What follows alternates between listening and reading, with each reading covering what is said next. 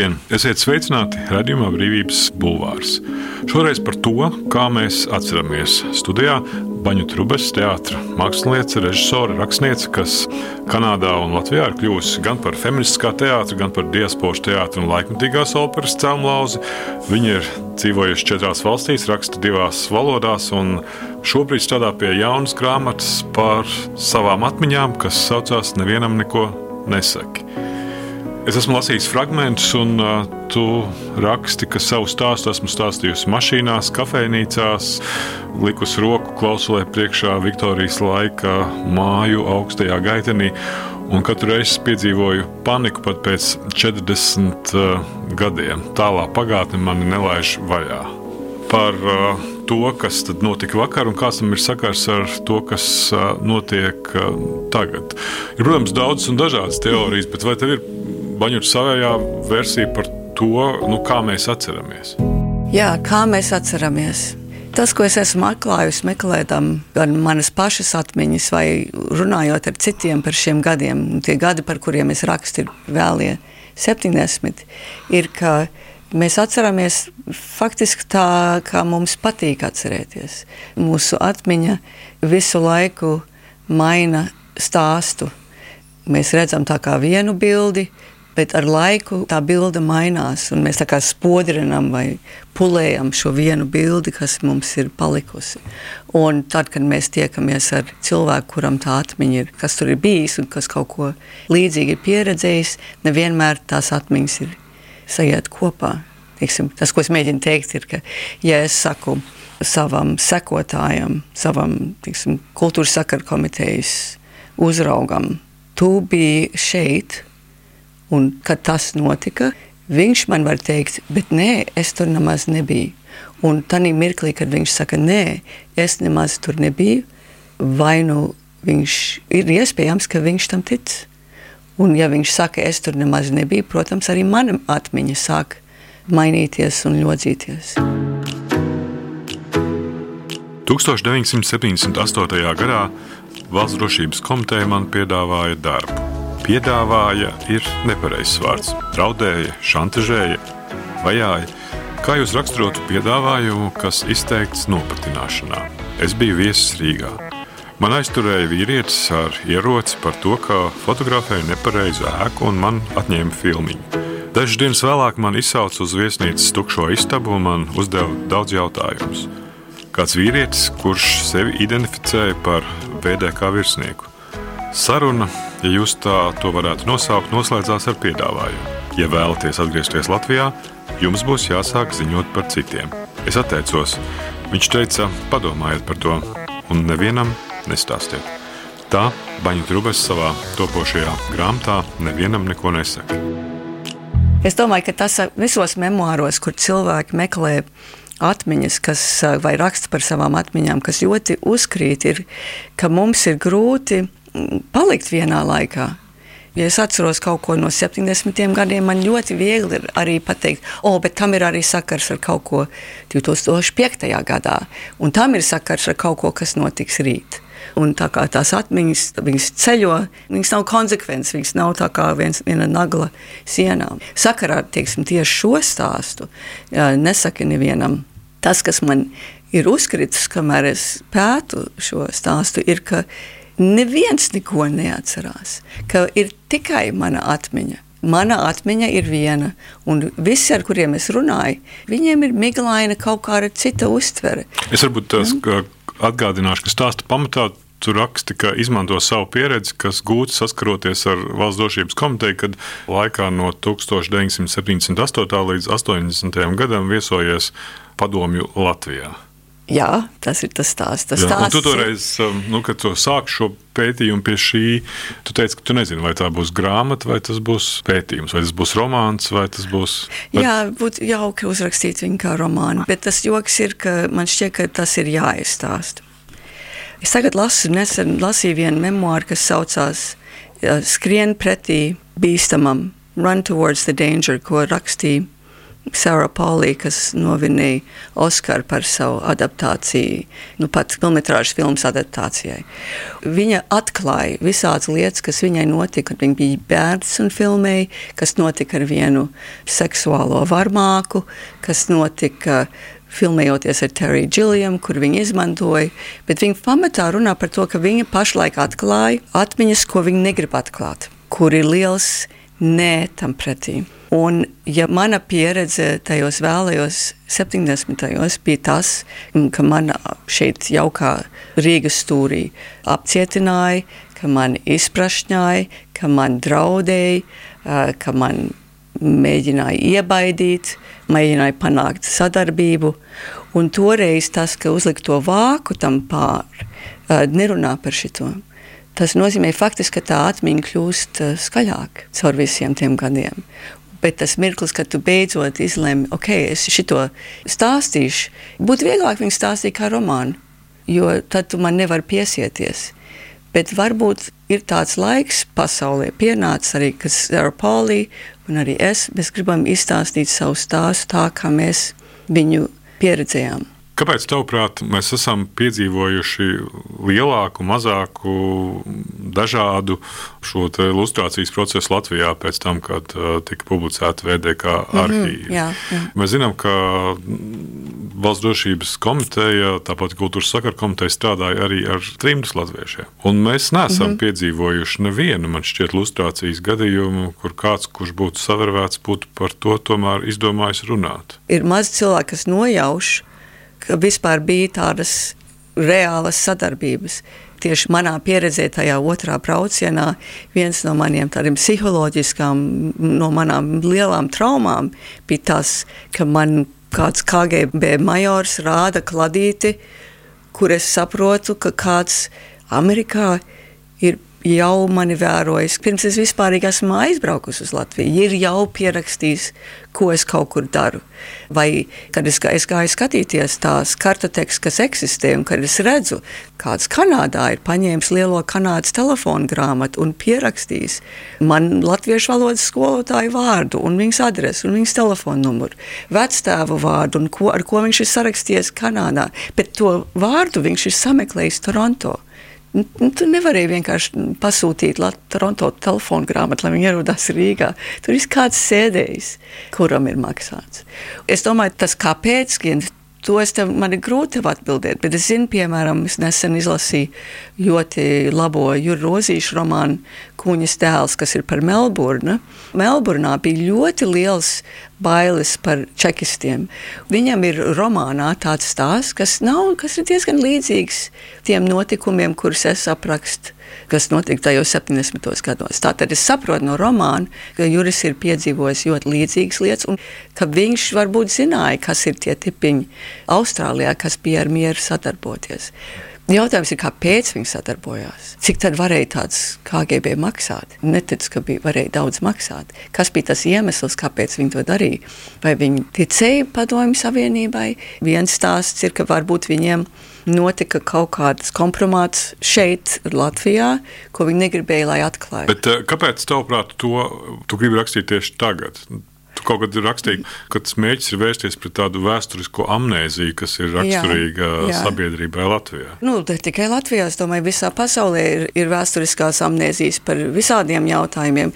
Viens ir, ir tāds laikmets, ka tie, kuri bija klusi, tagad runā. Es to varētu teikt par, piemēram, melno vēsturi Amerikā vai Pirmās nācijas vēsturi Kanādā, ka tagad sāk beidzot atklāt lietas, kas vienkārši tika ignorētas. Manuprāt, tas periods, tas padomju laika periods, viss, kas tiek rakstīts par to, pašlaik ir ārkārtīgi vērtīgs, jo tās atmiņas ļoti ātri pazudīs, kur nu tas, ka viņi deformējās. Bieži redzu tādu nostalģiju pret Padomju Savienību, vai cik tie laiki bija vienkāršāki. Un cilvēki aizmirst vai pat nezina, cik viņi bija briesmīgi, cik viņi bija nospiedoši, ko nozīmē zaudēt brīvību, brīvo vārdu vai spēju satikties. Tāpēc šo laikmetu es gribētu vēlreiz uzburt. Ir arī vēl viens faktors, Kint, un tas ir, ka mēs faktiski dzīvojam laikmetā, kur mūs ārprātīgi uzrauga. Jo viena tēma šajā grāmatā ir tas efekts, kas notiek pēc tam, tā, kā tā grāmata sākās, ar šīm konstantām bailēm, to sajūtu, ka kāds te vēro, kas nāk no tā, tu tici novērots un ka tev kāds tādēļ mēģina darīt pāri. Un mūsu laikmetā, vai tas ir tas, ka tavs telefons, ja mēs runāsim par kādu kaut kādu produktu, tavā telefonā parādīsies reklāmas par to produktu, vai tas, ka Ķīnā kaut kādās skolas klasēs ir divas kameras, viena vērsta uz skolotāju un otra uz skolniekiem.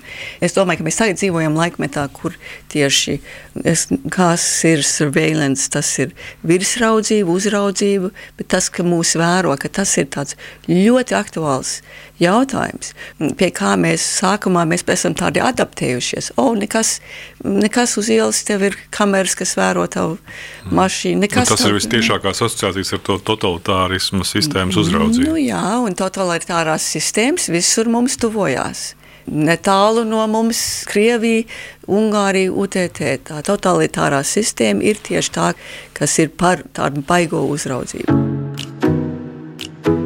Brīvība robežas, personība, vara, tauta, ideja, viedoklis, nākotne, dzīve un attieksme. Raidījums Brīvības Bulvārs. Radījumā Brīvības Bulvārs saruna ar teātris režisoru un dramaturgu Baņutu Rubesu. Tas joks ir tas, ka Latvijas vēsture faktiski vēl nav izpētīta. Viņa nav izpētīta, tāpēc ka 50 gadus padomju laikos viņi nevarēja izpētīt. Viņi mums, mēs netikām pie materiāliem, mēs nevarējām runāt ar viens otru, un tikai tagad, pēdējos 30 gados, ir patiešām tāda fundamentāli jauna vēsture radusies. Gent, es atceros, kad mēs taisījām Emīlijas seriālu, ka mēs nevarējām vienkārši paņemt trīs grāmatas par ulmaņu laikiem un saprast, kas toreiz notika. Mums pašiem bija tas jāstiķē kopā no dažādiem avotiem. Tas nozīmē, ka tā vēsture vēl ir ļoti jauna. Viņi vēl ir tādā diskusijas procesā. Un, un ulmaņu laiki ir kad? Pirms 90 gadiem, 30 gadi es mēģinu izreikināt. Mm. Bet padomu laiki tie ir 40, 50 gadus atpakaļ, un mēs esam tikai sākuši saprast, kas, kas tas laikmets bija. Mans prāts, tu tā nedomā. Mm. Un vai pat 91. gads, tu taisīji filmu Janvārs, Jā. to nedrīkst pazaudēt. Ko es redzu vēsturnieku vidū, globāli ar sakarā ar Ukrainu, ir, ka beidzot ir tāda atklāta valoda, angļu valodas, tāda, tāda dominējošās valodas mm, zinātniskā vidē sfērā, kur Ukraiņi un tādēļ arī latvieši var teikt, ka jūs, pasaule, mūsu stāstu nav pareizi izstāstījis, ka jūs nesat uzklausījuši kolonizētu cilvēku stāstu. Jūs visu laiku stāstiet no Krievijas redzes punkta, bet ne no mūsējā. Un es domāju, ka tas ir kas, mans pienesums ir, ir fragments no visa tā. Bet saprast, tas, kas tika nodarīts mums, kas bijām vai nu Latvijas latvieši vai Trimdas latvieši, kā tika sēta neusticība, kā tika iebaidīts, lai mēs nevaram sarunāties vai nevaram ticēt viens otram. Par to ir vērts atgādināt. Un, kā tu norādi, viņš nav izstāstīts. Neviens par to nav runājis. Kur tu esi lasījis? Teiksim, atskaitot kuģas tēlus, ko tu noteikti neesi lasījis. Es nezinu, vai klausītāji ir pievēršusi uzmanību šai grāmatai, kas iznāca jau 82. gadā. Man šķiet, vai 89. kaut kas tam līdzīgs. Būs 89. Bet katrā ziņā, acīm redzot, rozītam tad jau gribējās varētu izstāstīt, kā tas bija, kad mēs te braucām. Manai iedomātajai dzimtenei tika piedāvāti dīvaini vārdi ar dubultiem līdzskaņiem - okupēta, anektēta. Kanāda un Amerikas Savienotās valstis neatzina Latvijas PSR, un šo jēdzienu es diez vai varēju saprast, kā var neatzīt kaut ko, kas patiesībā ir. Maniem vecākiem būt latvietim bija smaga atbildība. Mūsu skaits samazinājās mazāk nekā 2 miljoni. Mūsu kultūrai draudēja izmiršana. Lai liktu saviem bērniem mājās runāt šajā valodā, Man vecāki izlikās, ka nesaprot angļu valodu. Būt austrumēropietim bija viegli apkaunojoši. Neatkarīgi no tā, vai tu esi Latvijas, Lietuvietis, Igaunis, Pols vai Ukrainis, mums bija tie neizrunājamie vārdi. Mūsu vecākiem bija tie smagie akcenti, par kuriem televīzijā labprāt pasmējās komiķi. Viņi bija politiski noskaņoti, uz visa lika skābo krējumu, nekad nevalkāja džinsus, nesatikās ar cilvēkiem, kuri nebija latvieši. Tā Baņuta Rubes savā topošajā grāmatā nevienam neko nesaka. Tas ir tāds ārpusnieka skatījums gan uz turieni, gan uz tejieni ja mēs runājam par turieni, tas stāsts ir viens vienojošs stāsts vienam kanādietim. Tā rindkopa, ko tu nolasīji, to varēja arī teikt viens lietuvietis vai viens polis vai viens ukraiņš, kanāds. Mēs nejūtamies kā outsideri, bet mēs varam sev, tā ir mūsu identitāte tajā ļoti multikulturālā Kanādā. Kanāda nav tā kā Latvija. Latvijā ir homogēna, skaidrs, viena, vienota tauta. Mēs zinām, Viņi, mēs visi runājam vienu valodu. Mājās sagaida, ka es zinu, mēs varētu arī vāciski runāt, angliski runāt un tā tālāk. Bet tas nav tā kā tādā Kanādā, kur sagaida, ka ir entās valodas. Nav, mēs runājam angļu valodā, bet laikam te vecāki ir no Filipīnām vai laikam tā vecāki ir no Ukrainas. Tātad Filipīnietim būtu varbūt cita pieredze. Arī par viņu varētu smieties par viņu akcentu TT, bet par viņiem nejoko televīzijām. Tāpēc šī lieta, ko es saprotu, tas bija tajā laikā, šobrīd tas vairs nav. Vēl vien drīkst smieties par poļiem un Jā. latviešiem. À, tur nekāds politkorektums nepastāv. Mēs esam Baltie. Kā par mums var smieties. Mm -hmm. Un varbūt Ukraiņa to drusku izmainīs. Tieši tas, šis faktors arī tiek pacelts tajās sarunās no vēsturniekiem. Bet, bet man tas jau ir. Mēs ļoti bieži runājam šobrīd par šo kancelu kultūru, Jā. kurā arī šis politkorektums nu, it kā Vai viņš ierobežo brīvību vai neierobežo brīvību, par to mēs tagad diskutējam. Nu, tas ir ļoti diskutabli. Austrum Eiropietis ēd kartupeļus un dejo polku. Viņš ir šmengi, viņš ir nu, tā kā drusku tas, ka, ka viņš nav tik gudrs kā visi pārējie. Tas vēl nav pazudis. tas, tā kā es ceru, ka pēc pieciem gadiem, kad mēs būsim cerams laimīgāk izdzīvojuši Ukraiņas karam, ka tas būs arī tādēļ vien izmainījies. Ka tāds Zelenskis parādās un vi, mums visai pasaulē rāda, ko nozīmē būt īsts līderis, ko nozīmē stāvēt ar savu tautu, ka tas maina vispārīgu ideju, kas ir austrumēropietis. Es domāju, ka tu nevari teikt jebko. Es domāju, ka ir pareizi, ka tu nevari apsaukāt cilvēkus. Tas man šķiet ir pareizi, lai te varētu būt sarunas.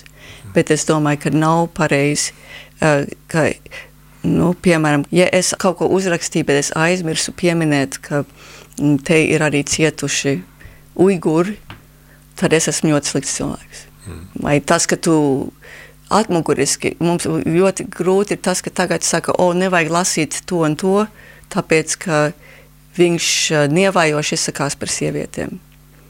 Tajā grāmatā, kas ir publicēta 50. gados. Nu, lasi viņu ar apziņu, ka viņš nevajoši izsakās par sievietēm, un ka tas bija ok 50. gados. Tad tu saproti, kas tas ir, ko tu lasi. Pagājušā gadā žurnālā Domzīme publicēts Baņots Rubas stāsts Kodmēlē. Piekritus atdot savas džinses otrās pakāpes brālēnam, lai, ignorējot ārzemju turistiem noteiktos ierobežojumus, viņš ar savu veco žiguli mani slepus izvestu no pilsētas. Tu neesi ārzemniece, brālēns sacīja, šī ir tava dzimtene.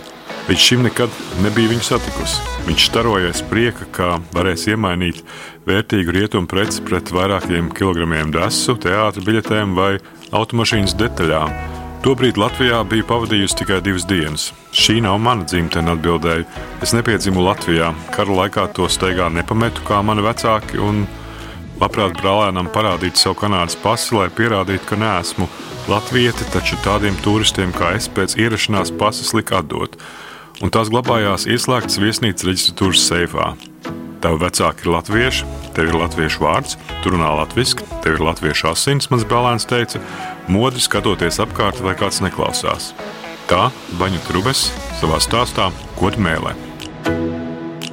Tekstos, vismaz tajā daļā, ko man izdevās pārskatīt un pārlasīt, un arī intervijās vairāk kārtīgi nu, nodalīt pozīciju, ka Latvija nav mana dzimtene. Jā. Tā ir tāda principiāla pozīcija.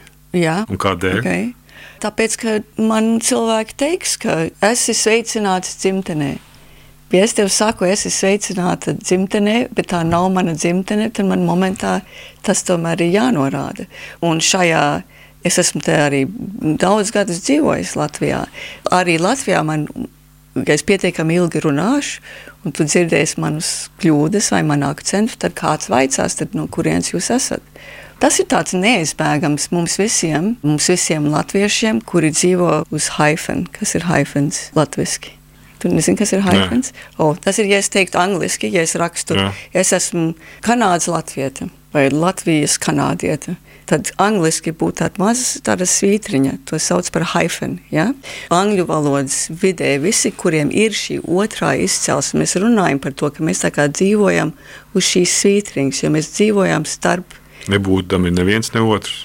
Vai būdami abi? Vai būdami abi? Jā, jā, tas ir. Mēs esam visu laiku tādā liminālā, tādā uz sliekšņa. Mēs esam uz sliekšņa starp divām kultūrām, jo mēs abas saprotam, bet neviena no otra vai nu mūs pilnīgi neapņem viņos apskāvienos, vai arī mēs nejūtam pavisam piederīgi. Tavā topošajā grāmatā tu raksti vai ievadā, ka Tu esi māte ar diviem bērniem, divām pasēm. Viena no tām ir Kanādas, un tu esi pārcēlusies uz Rīgu, Latvijas mhm. galvaspilsētu, tēva dzimto pilsētu. Un es arī tur gandrīz jūtos kā mājās, kaut gan tur nekad nav iespējams justies kā mājās. Jā, un man, tā ir mana liecība. Es esmu uz tā mazā cēlslieksnīša, kas saucās par Aifenu. Kāds? Tu man gribi teikt, ka es esmu mājās, tu man gribi sveikt mājās. Tu gribi teikt, sveicam dzimtenē.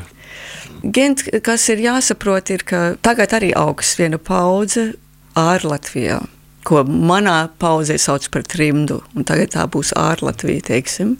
Manai paudzei Latvija eksistēja kā fikcija. Latvija bija vieta, ko mūsu vecāki, par ko mūsu vecāki stāstīja, bet mēs tur nevarējām braukt, jo tur bija tie sliktie komunisti.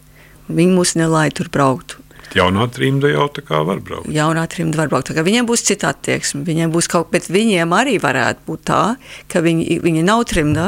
Trimdas definīcija ir tā, es nevaru braukt atpakaļ. Un, ja tev audzina šādā vidē, kur tev stāsta, tu piedari kaut kam, bet tu to, tur nevar aiziet, tad tā vieta pat par sevi Latviju mums visiem kļuva kā tāda pasaka.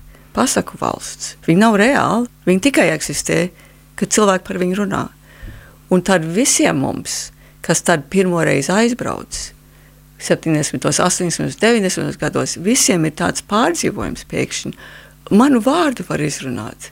Vai dažiem bija, es redzu, bērns, birzi, aktu kungs, un sāk raudāt, jo viņu patvērsmes valstī nav bērni, bet vecāki visu laiku ir par to stāstījuši. Ir jau tas, tu zini, ka rakstniekiem jau ļoti patīk sevi redzēt kā outsideru. Mēs rakstnieki, kas saka, ka trimda, tas ir visi rakstnieki vienmēr dzīvo savā tādā trimdā, jo viņi ir drusku ārpus, jo viņi ir vērotāji. Nevis, tā ir tāda sociāla antropologa pozīcija savā ziņā. Drusku kas ļauj nu, identificēt vai, vai saprast, kas te notiek. Jo jā, tu vai... dzīvojot šeit, vai jā, nu, cik lielā jā, mērā vēl aizvien mēs varam analizēt notiekošo Latvijā, ka tā ir postkomunistiska, traumātiska sabiedrība. Vai tomēr vairs nē? Tu man pasaki. Nē, es prasu tie, kas dzīvo uz tās maliņas. Eh, šodien es nezinu, cik. Es domāju, ka mēs lēnām atmetam to postkomunistisko. Es domāju, ka tā ir jauna paudze. Domāju, ka cilvēks, kuram tagad ir 30, ir ļoti atšķirīgs no tā, kuram tagad ir 50 nerunājot par to, ka viņš ir kaut ko citu pieredzējis. Un, uh, viņam varētu būt uh, jaunā kapitalisma traumātiskā pieredze tas ir kaut kas cits, bet tas, kas ir jādzīvo ar cilvēkiem, kuriem ir postkomunistiskā trauma. Man sajūta, ka Latvijas sevi negrib definēt caur padomju uh, prizmu. Pat ja mēs 50 gadus bijām daļa no tā, mēs gribam sevi definēt no jauna. Tas ir mans ārpusnieka iespējas. Es, piemēram, arī nesaku vairs, mēs esam post-Soviet country. Es saku, mēs esam ziemeļnieki, vai mēs teikšu, es varētu teikt Austrum Eiropu nedefinēja pēc tā, kas toreiz bija. Un tas, tas arguments viens ir arī, tu par Ameriku nesaki, it's a post-revolution country, kaut kā viņi attalījās no, no Anglijas. Ja. Es apgūstu skatīšanos caur palielināmo stiklu uz novecojušām kartēm. Es aplūkoju līkumainus zīmējumus un pretrunīgus stāstījumus, līdz izveidoja neskaidru maršrutu. Es pāršķirstu militāro vēsturi, kuru es diez vai spēju saprast. Es ņemu pomerānijas karti un līmēju bultiņus uz katras vietas, kas minēta kā kauja, aplenkums, Aplenkums militārs termins, ko es nekad iepriekš nebiju dzirdējis, lai gan mans tēvs to labi zināja. Es šo jēdzienu daudzkārt esmu meklējis. Aplēkums nav gluži aplēkums, bet tas nozīmē, ka es ievainots. Mans tēvs izlauzās cauri desmitiem aplēkumu, pateicoties pulkvedim Janumam. Es varētu jūs mēģināt iežēlināt ar bruni sakot, ka viņam bija tikko 18, bet tāds tolaik bija katrs puisis. Starp vienu kauju un nākamo viņš pieķērās atmiņās par mazās mirdzas debeszilajām acīm. Tā grāmatā par savu tēvu te bija Brunis raksta Baņuta Rubes. Es gribēju saprast, kā tu vari atgūties no šausmām vai no traumas, un kā tas var būt, ka es uzaugu ar tēvu, kas vienmēr bija dzīvespriecīgs, kam patika smieties, kas bija ļoti dinamisks un izdarīgs, ka ņemot vērā visu, ko viņš pieredzēja, kas viņam ļāva izdzīvot, kas viņu garīgi pacēla, kas bija tas triks, tas noslēpums viņam. Un tāpēc mans tas pirmais, kā tā drumstala, ko es tā kā um, grietiņa mežā sekoju, drumstala ceļam bija tieši šī mantra.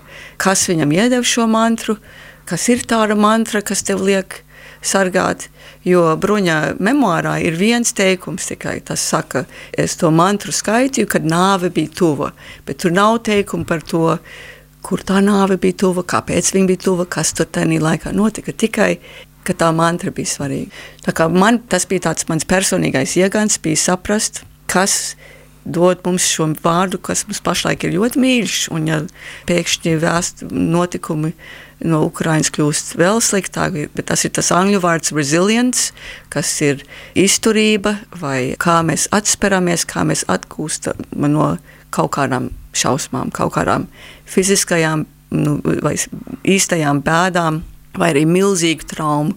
Un, protams, ja teiksim, Brunis 14 gadu vecumā redzēja kādreiz sinagogu mājas pretī, tā ir trauma. Ja tev tēvu aizved un tev jāmeklē viņa līķi, tā ir trauma.